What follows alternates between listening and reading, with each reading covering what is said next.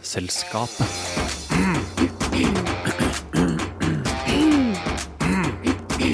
Vitenselskapet. Om det er én ting oss mennesker er gode på her i verden, må det være mer. Og mye vil ha mer. I vår søken etter dette mer har vi funnet på en haug med artige teknikker. Om det står er snakk om karbonforbindelser, næring, blekk eller oss sjøl, og vi går veldig langt for å få mer. Og mer skal det bli. For i dag skal det nemlig handle om masseproduksjon. Jeg heter Karl Hans Kvam, og du hører på Vitenselskapet.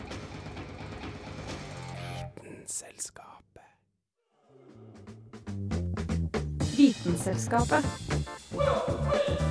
Vitenselskapet på Radio Nova.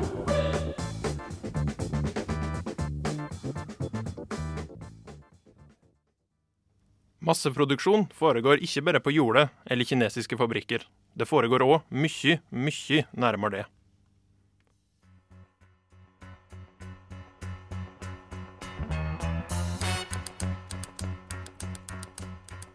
Vi mennesker er eksperter på å masseprodusere. Vi lager leker, klær, bildeler og vesker på samlebånd. Men har du tenkt på at det inni hvert menneske som står bak samlebåndet, foregår en produksjon som er langt raskere og mer omfattende enn noen menneskeskapt masseproduksjon?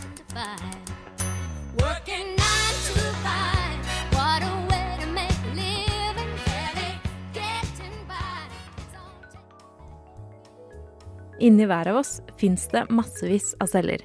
Gjennom omfattende googling har jeg lært at de lærde strides om akkurat hvor mange celler kroppene våre består av, men det er i størrelsesorden én billiard.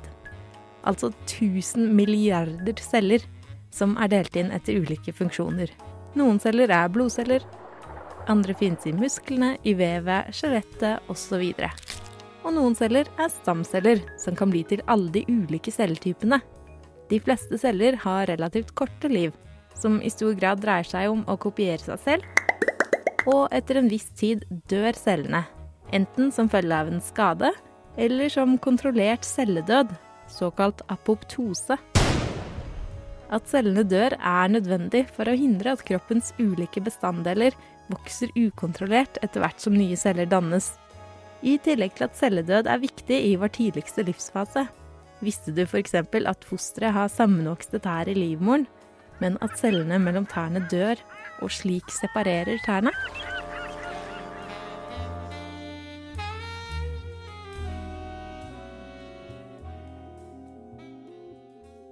Hvor ofte cellene dør for å gi plass til nye, varierer stort mellom de ulike celletypene. Eksempel så lever blodceller ca. 120 dager hver, mens hudceller gjennomsnittlig har en levetid på maks 30 dager. Det er vanskelig å gi et nøyaktig tall på hvor mange celler som til enhver tid kreperer, men for å gi et bilde av størrelsesorden, så dør det hvert sekund ca. 1 million celler i kroppen din. Og for å erstatte de døde cellene produseres det hvert sekund like mange celler gjennom celledeling. Dvs. Si at en celle deler seg, og det oppstår to nye celler. Det sies at kroppen skifter ut alle cellene sine hvert syvende år. Men siden f.eks. nervecellene i kroppen ikke kan dele seg og dø, så stemmer ikke dette helt. Det som er riktigere å si, er at det tar oss ca. syv år å miste en billiard celler. Altså så mange celler vi til enhver tid består av. Det er kanskje ikke helt enkelt å få følelsen av at vi på innsiden er en uhyre effektiv cellefabrikk. At cellene dør og fødes på ny, kan imidlertid lett observeres på utsida av kroppen. Negler og hår f.eks. er jo døde celler som hele tida dyttes utover av at nye celler dør i kroppen. Du syns kanskje at negler og hår gror sakte, og er ikke så imponert over hastigheten på celledøden. Men i gjennomsnitt så kan en fingernegl erstattes i løpet av tre til fire måneder, og hver måned så dannes det ca. 1 cm nytt hår. Og det er jo egentlig ikke så verst hastighet på masseproduksjonen, tatt i betraktning av at cellene våre som gjør jobben, ikke er større enn 0,1 til 4 mm i diameter.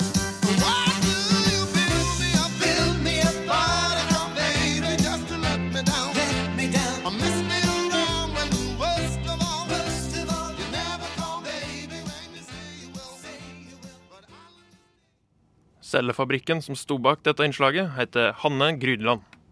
Radio Nova.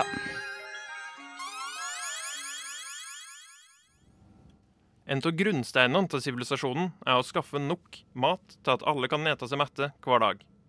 Nå skal vi høre om hva som er så spesielt med oss mennesker, og hvordan oss skaffer oss mat. Vi mennesker, arten Homo sapiens, er bl.a. kjennetegnet ved at vi er dyrkere. Vi planter, sår, høster, klipper, stusser, samler, plukker og avler. Og dette har vi gjort i rundt 10 000 år.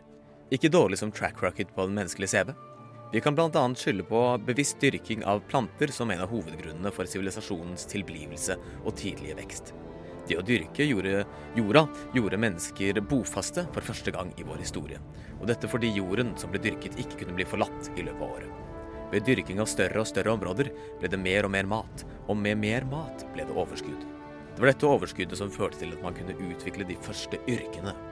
Dyrking før yrking, for å si det sånn. Et yrke krever spesialisering, og du kan kun bli spesialist i noe hvis du har tid til å drive med det hele tiden.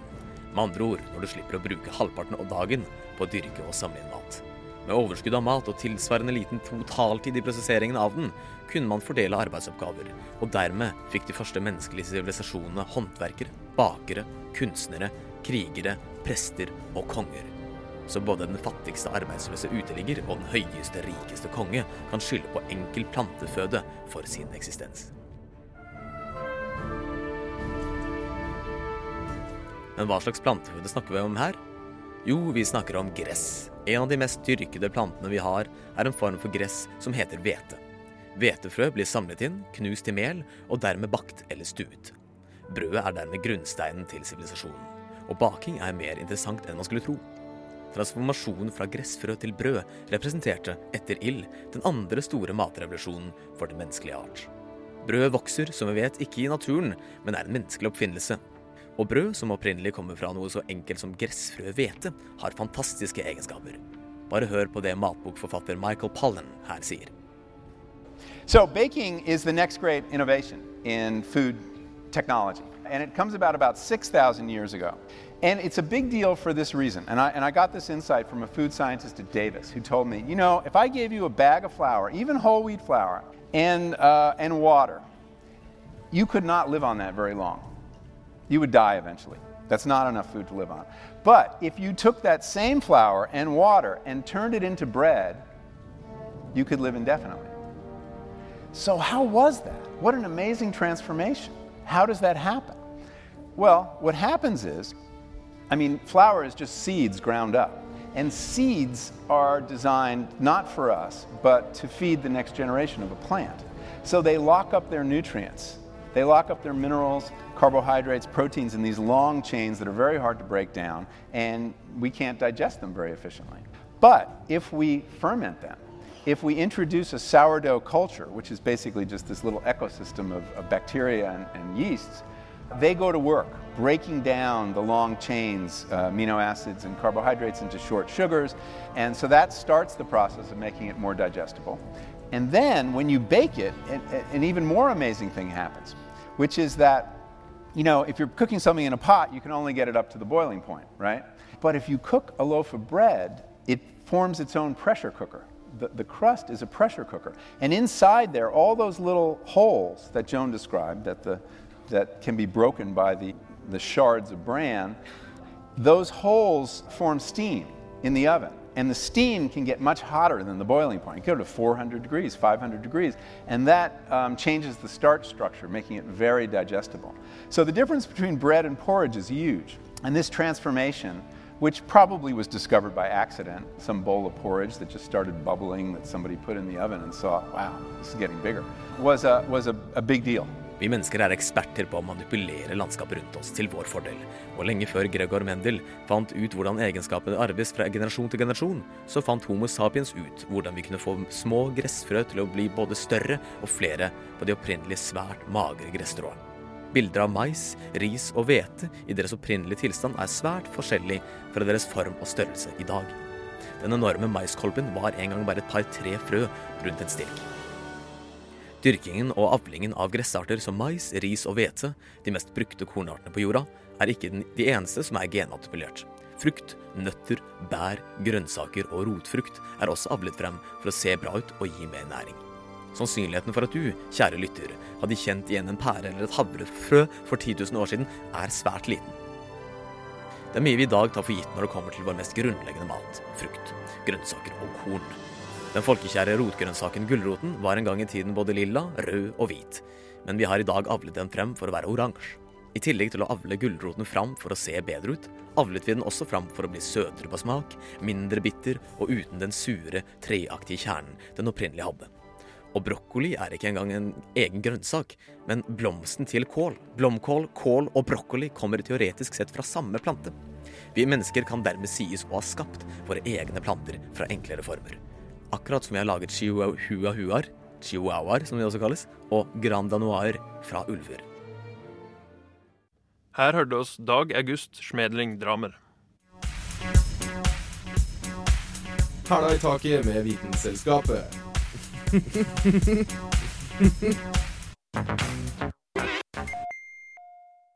Når en snakker om kloning, tenker nok de fleste på mennesker eller dyr som er helt identiske. Men er det i det hele tatt mulig å logge fullstendig like skapninger? Her name is Dolly. Seven months old, she may not be the monster imagined in a science fiction fantasy, yet the cuddly Finn Dorset lamb may represent a major landmark in the history of genetic engineering. Året er 1996, og verdens mest berømte sau blir født. Dolly er i bunn og grunn en kopi, og putter kloning i søkelyset en gang for alle. Nå er det ikke sånn at sauer ser så sykt forskjellige ut i utgangspunktet, men Dolly er litt likere opphavet sitt enn de andre. Hun er allikevel ikke helt lik. En litt bitter nyhet til dere der ute som i all hemmelighet har drømt om å lage en kloning av dere selv. Å lage en helt identisk kopi av dyr eller mennesker er umulig. En av de mest åpenbare tingene er jo aldersforskjellen. Hvis du hadde fått laget en kloning av deg selv nå, ville den jo vært mye yngre. Men la oss se litt bort fra akkurat den detaljen. Det er nemlig flere ting som ville hindra kloningen fra å bli helt lik. For det første er det umulig å skape helt like forhold for kloningene, og siden man kan gå ut ifra at vi blir påvirka av både arv og miljø, vil det gjøre at kloningene kommer til å utvikle seg forskjellig. Men la oss si at vi teoretisk sett har klart å skape en slags klonefabrikk, hvor alle klonene får nøyaktig de samme inntrykkene. Det ville allikevel ikke hjulpet, for forskjellene skapes allerede inni livmoren. Se f.eks. på eneggede tvillinger, som rett og slett er en naturlig kloning. Disse har samme DNA, men fingeravtrykkene deres er allikevel ikke like. Det viser hvor mange variabler som finnes når man skal skape en kloning. Tvillinger som til og med ligger i den samme magen samtidig, blir utsatt for ulike miljøpåvirkninger. Bare det at de ligger på litt forskjellige steder i magen, gjør at de utvikler seg ulikt. Formen på fingeravtrykk avgjøres nemlig ikke så mye av DNA som av celledelingsprosessen, som kan påvirkes av ting som næringsstoffer i fostervannet. Å skape de nøyaktig samme groforholdene for kloner er med andre ord umulig, noe man også kan se på potetåkeren. Poteter kommer som kjent ikke fra frø, men fra en moderpotet. Det vil altså si at de fleste poteter, med mindre de er ulike arter, er kloninger av hverandre. Og selv om en potet ofte ligner på en annen potet, ser man jo at heller ikke de er helt like. Faktisk vil det være sånn at eneggede tvillinger er bedre kloninger enn det vitenskapsmenn kunne skapt i et laboratorium. Kloninger kommer nemlig ikke til å være helt genetisk like, slik som tvillinger. Det er pga. metoden som brukes for å klone. Enkelt forklart kan man skape en kloning ved å bruke et donoregg og en celle fra kroppen til den man vil klone. Hvis du tar ut det som er inne i donoregget fra før, kan du sette inn den nye cellekjernen i egget. Egget gis et lite elektrisk støt, som gjør at egget og den nye cellekjernen smelter sammen. Dermed har man utgangspunktet for et helt nytt, gammelt individ. Problemet er at når man gjør det på denne måten, vil mitokondriene, dvs. Si cellenes kraftstasjoner, fortsatt være forskjellige. Mitokondriene har sitt eget DNA med 37 gener, som gjør at klonen som blir født, ikke engang er helt genetisk lik som opphavet. Å skape en nøyaktig kopi av yndlingshunden din, eller f.eks. en avdød sønn eller datter, er med andre ord kun en skummel, utopisk idé. For ikke snakke om at det tråkker ganske heftig over på feil side av de etiske grensene. Selv om man har fått til å lage klona dyr som er friske, er det mange av eksperimentene som mislykkes før man får et godt resultat. Før sauen Dolly ble født, måtte de prøve hele 277 ganger før de fikk laga et foster som overlevde. Deformert hode eller kropp, nyreproblemer, diabetes, forstørra tunge og ødelagt immunforsvar er noen av plagene som kan oppstå hos forsøksdyrene. I tillegg vil kloning i stor skala være negativt for det biologiske mangfoldet, fordi det blir mindre genetisk mangfold. Så det man kan begynne å lure på, er jo finnes det i det hele tatt noen gode grunner for å klone dyr eller mennesker, eller er dette bare noe som enkelte forskere har funnet på fordi de syns det er litt artig? Det kan f.eks. være nyttig å ha forsøksdyr som er så like som mulig, slik at man lettere kan se om de reagerer forskjellig på forsøkene. Samtidig finnes det selskaper i bl.a. USA og Kina som kloner husdyr og kjæledyr, hvor målet først og fremst er å gjenskape en rask veddeløpshest eller gjenopplive elskede Fido. Kloning av mennesker er fremdeles ikke lov, men det finnes noe som heter terapeutisk kloning, som er litt i grenseland. Det bruker den samme metoden, med en ny cellekjerne i egget, men istedenfor å sette dette inn i en livmor slik at det blir et barn, dyrker man stamceller av det i laboratoriet. Stamceller er en slags nøytral byggestein som man i teorien kan bruke til å lage nytt vev eller organer, og fordelen med å gjøre det på denne måten er at siden disse nye organene er laga av ditt eget kjøtt, så å si, er det mindre sjanse for at de avvises av kroppen. Det etiske problemet er at man må bruke embryoer som egentlig kunne blitt til mennesker, og det er derfor denne metoden er forbudt i de fleste land, Norge inkludert. Vitenskapelig kloning er med andre ord ikke en dans på roser, og når man uansett ikke får laga noen som er 100% like, er mye av vitsen borte etter min mening. Da er det egentlig kulere å gå bort på den lokale grønnsaksbutikken hvor man kan omgi seg selv med masse naturlige kloninger. I 2003 ble det født en iberisk steinbukk, som dessverre døde noen få minutter etter fødselen.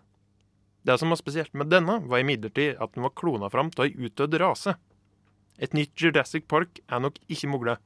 Heldigvis, eller dessverre, alt ettersom. Men forskere har snakka om muligheter for å klone fram en mammut. Det sier seg sjøl at det vil være mange hindringer i veien for et slikt prosjekt skal bli vellykka, men en veit jo aldri.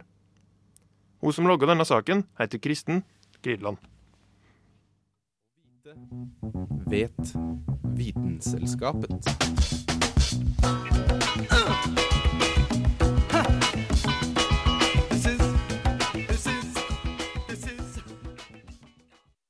Når en snakker om masseproduksjon, kan en knappast la være å prate om trykkeriet. Her kopieres og trykkes millioner av aviser og blad hver uke. Vitenselskapet har besøkt Schibsted Trykk for å finne ut hvordan ei avis blir til nettopp ei avis. Ja, Vi har vel et årsforbruk på en eh, 30 000-40 000 tonn med papir. Skibsted Trykk er Norges største trykkerikonsern.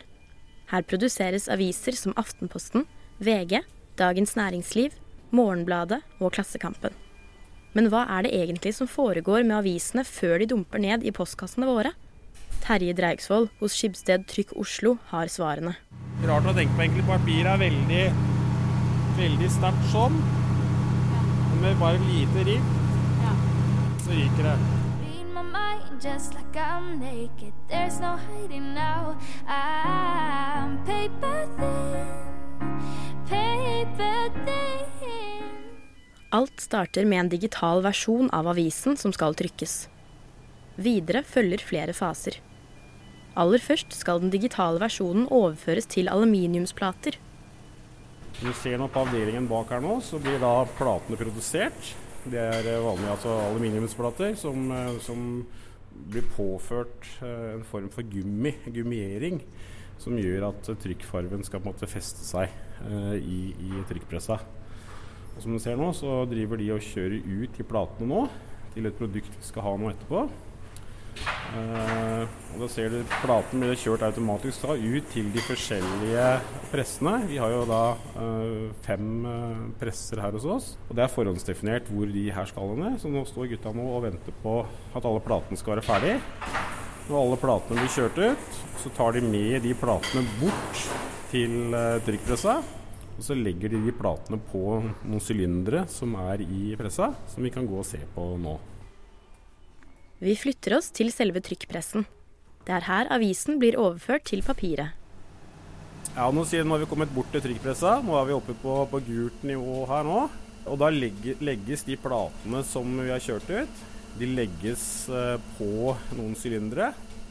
Eh, disse platene går så mot en duk som tar opp det trykkbildet.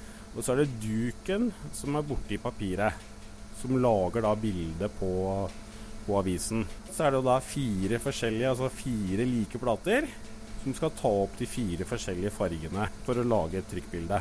Så da, Papiret må altså gjennom fire nivåer for å få et bilde. Og de skal stemme på en tiendedels millimeter for å få et godt bilde. Aviser fyker ut av maskinen i høy hastighet og blir hengt opp i noe som ser ut som klesklyper på klessnorer i fart. Eh, Så går de gjennom noe som vi kaller for falsen, som da bretter avisen og stifter den. eh, Så den kommer ut sånn som vi ser på båndet her nå. Så avisen kommet ut fra, fra falsen. Men avisene er ikke helt klare enda. De må selvsagt pakkes, hvilket logisk nok foregår i pakkeriet. Som du ser, pakkeriet er ganske stort. Det er vel på størrelse med Bislett stadion eller noe. Så det er ganske bra størrelse her. Eh, her ser du mange transportører. Um, altså hvor i pakkeriet eh, avisen skal, det er litt avhengig av hva som skal gjøres med avisen videre. Det er mange forskjellige prosesser som, eh, som vi gjør her i pakkeriet. F.eks. det å pakke VG eller Aftenposten. Da går det stort sett bare rett igjennom. Eh, eventuelt med at de får innstikk. Som du ser rullene som står her nede, det er ruller som vi har først trykt hos oss. Og rulla opp på sånne store ruller. Når eh, Aftenposten da kommer og skal trykkes, så vil de her eh, rullene som vi har hos oss her, de vil da på en måte bli kjørt i revers. Og så går det gjennom en trommel, og så blir det stikket inn i avisa. Så det innstikket som er inni f.eks. Aftenposten, eh, det, det skjer automatisk. Vi gjør jo ikke det manuelt. Eh, ellers så er det vanlige pakkeprosesser som, som foregår her. Eh, det er eh, at det blir eh, telt opp i riktig antall i, i bunter, og tar eh, strapp rundt og eventuelt plastikk. Så blir det pakka og sendt videre ut til eh, distribusjon. Trykkeriet er altså en god gammeldags fabrikk. Dersom maskinene streiker, blir det ikke mange aviser å se i Oslo.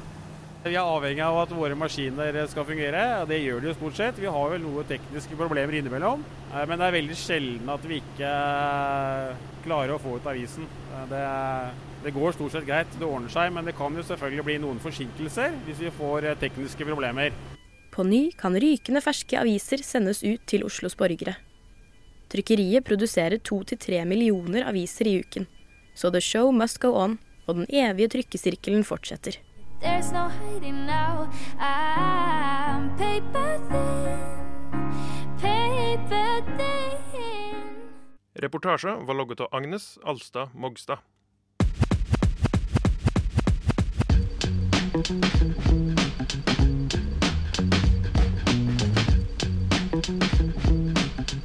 nytt.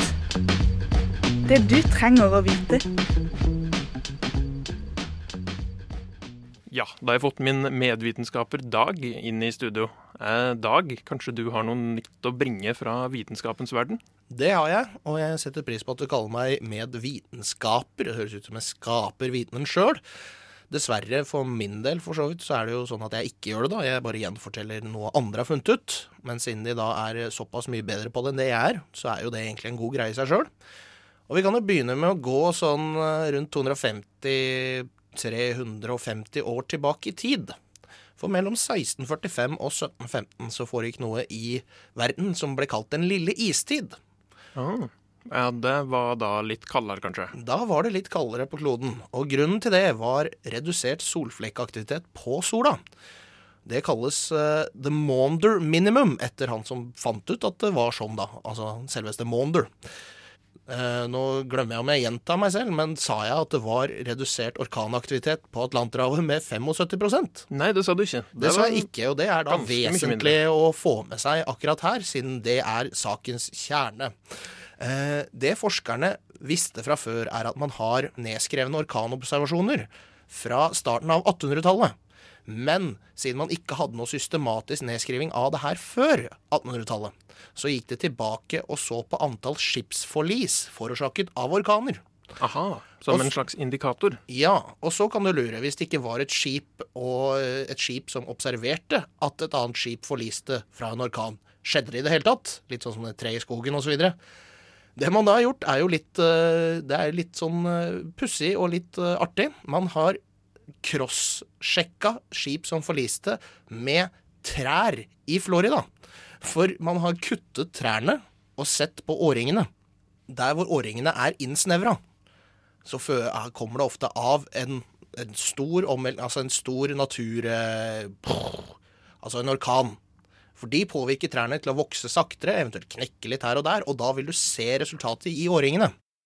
Ja, eh, så du ser trærne, hvor de har vokst mindre, og når skipene har forlist. Så med de to i sammen kan du se hvor mye aktivitet det har vært i været. Ja.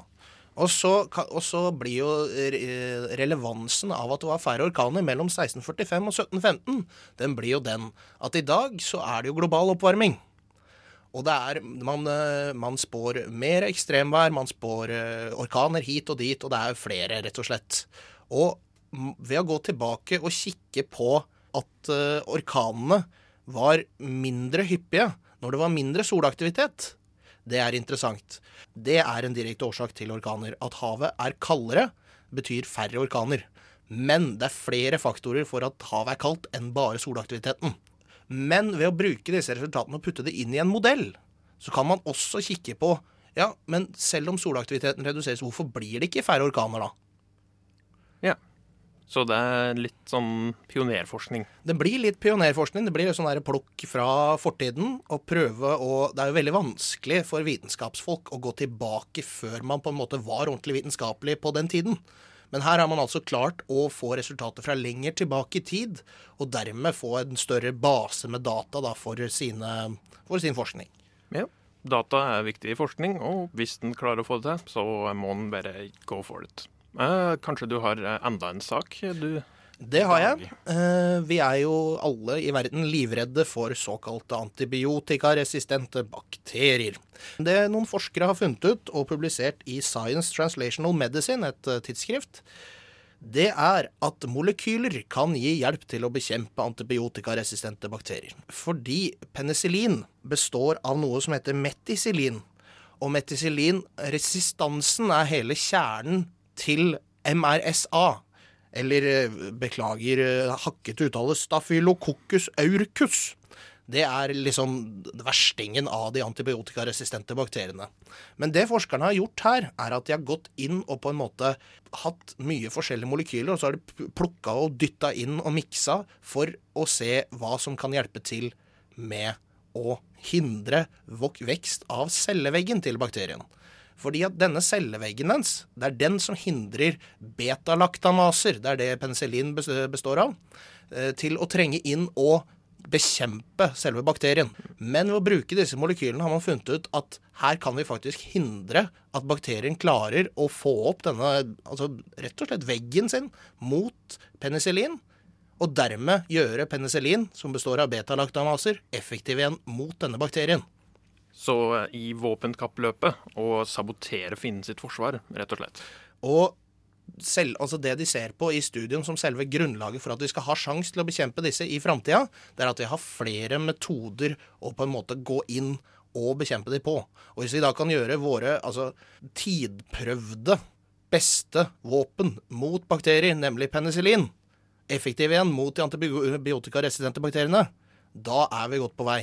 Og jo flere metoder, jo bedre er det. For selv om de da tilpasser seg til én ting, så klarer de kanskje ikke den andre tingen. Så det er en god start, det kan vi si. Ja, det er håp fortsatt for menneskeheten. Det, det er det absolutt. Tusen takk, Dag. Vær så god.